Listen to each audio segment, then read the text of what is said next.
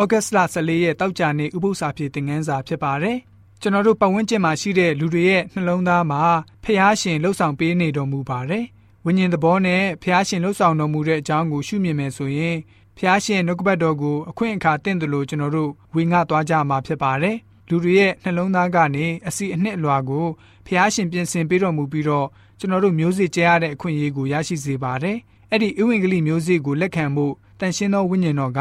နီကောဒင်ရဲ့စိတ်နှလုံးသားကို ပြင်ဆင်ပေးတော်မူခဲ့ပါတယ်။ရေတွင်းကရှမာရိအမျိုးသမီးရဲ့စိတ်နှလုံးသားပြီးတော့သွေးသွန်ဝေဒနာခံစားနေရတဲ့အမျိုးသမီးဒီအပြင်ကားတိုင်ပေါ်ကတခိုးကြီးနောက်ပြီးယောမတက်မှုကြီးနဲ့အခြားအခြားသောသူတွေအတွက်နှုတ်ကပတ်တော်ကိုလက်ခံရရှိနိုင်ဖို့ပြင်ဆင်ပေးတော်မူခဲ့ပါတယ်။သူတို့တွေရဲ့ဘဝအသက်တာမှာပြီးတော့တရှင်သောဝိညာဉ်တော်ရဲ့သွေးဆောင်တဲ့အတွက်ကြောင့်သခင်ခရစ်တော်ရဲ့သတင်းစကားကိုလက်ခံဖို့ ပြင်ဆင်ခြင်းခံကြရပါတယ်။လူတွေနဲ့အတူဆူတောင်းတာကျမ်းစာဂရိတော်တွေဝေငှပေးတာ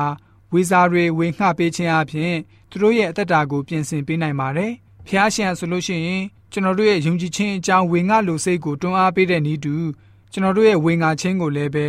လက်ခံလိုစိတ်ရှိဖို့အခြားသူတွေကိုလည်းပဲစိတ်လှုပ်ဆော်ပေးပါတယ်ဆိုပြီးတော့တောက်ကြနေဥပု္ပ္ပစာဖြည့်သင်ခန်းစာကဖော်ပြထားပါတယ်ဥပု္ပ္ပစာဖြည့်သင်ခန်းစာခုနှစ်ကတော့ဒီလောက်ပဲဖြစ်ပါတယ် ဥပု္ပ္ပစာဖြည့်အစီအစဉ်တစ်ဆက်သူကျွန်တော်ဆက်ဆောက်ပါကျမ်းနာတော်သူရောက်စီတိုင်းဝิญဉ်ခွန်အားနဲ့ပြေဝကြပါစေကျေးဇူးတင်ပါတယ်